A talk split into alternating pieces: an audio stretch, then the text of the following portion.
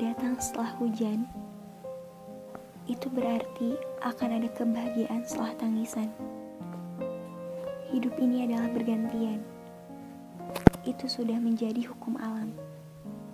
Tanpa kau meminta, Tuhan akan berikan. Entah secara berangsur atau spontan. Tak perlu takut untuk mempertahankan cinta tak rugi menjadi pribadi yang setia. Tak akan menjadi bodoh ketika kita mudah dibodohi. Mereka lah yang sudah bodoh karena sudah membodohi orang yang tulus mencintai. Yang rela mempertahankan cintanya di upuk mentari. Hingga ia lupa akan kebahagiaannya sendiri.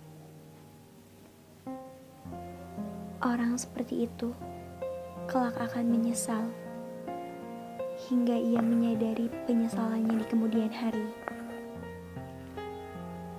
Lalu bagaimana dengan kita yang sudah menjaga, menanti dan mempertahankan cinta yang kita anggap cinta sejati? Tak perlu menyesal atau bersedih diri. Ingat, Cinta yang tulus tidak pernah mengharap balasan, tak pernah marah ketika tak sesuai harapan, tak pernah menyesal walau sudah memberikan ketulusan cinta kepada dia yang sudah kita perjuangkan, lalu ia sia-siakan.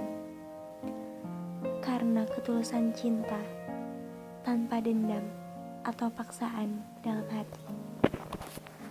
thank you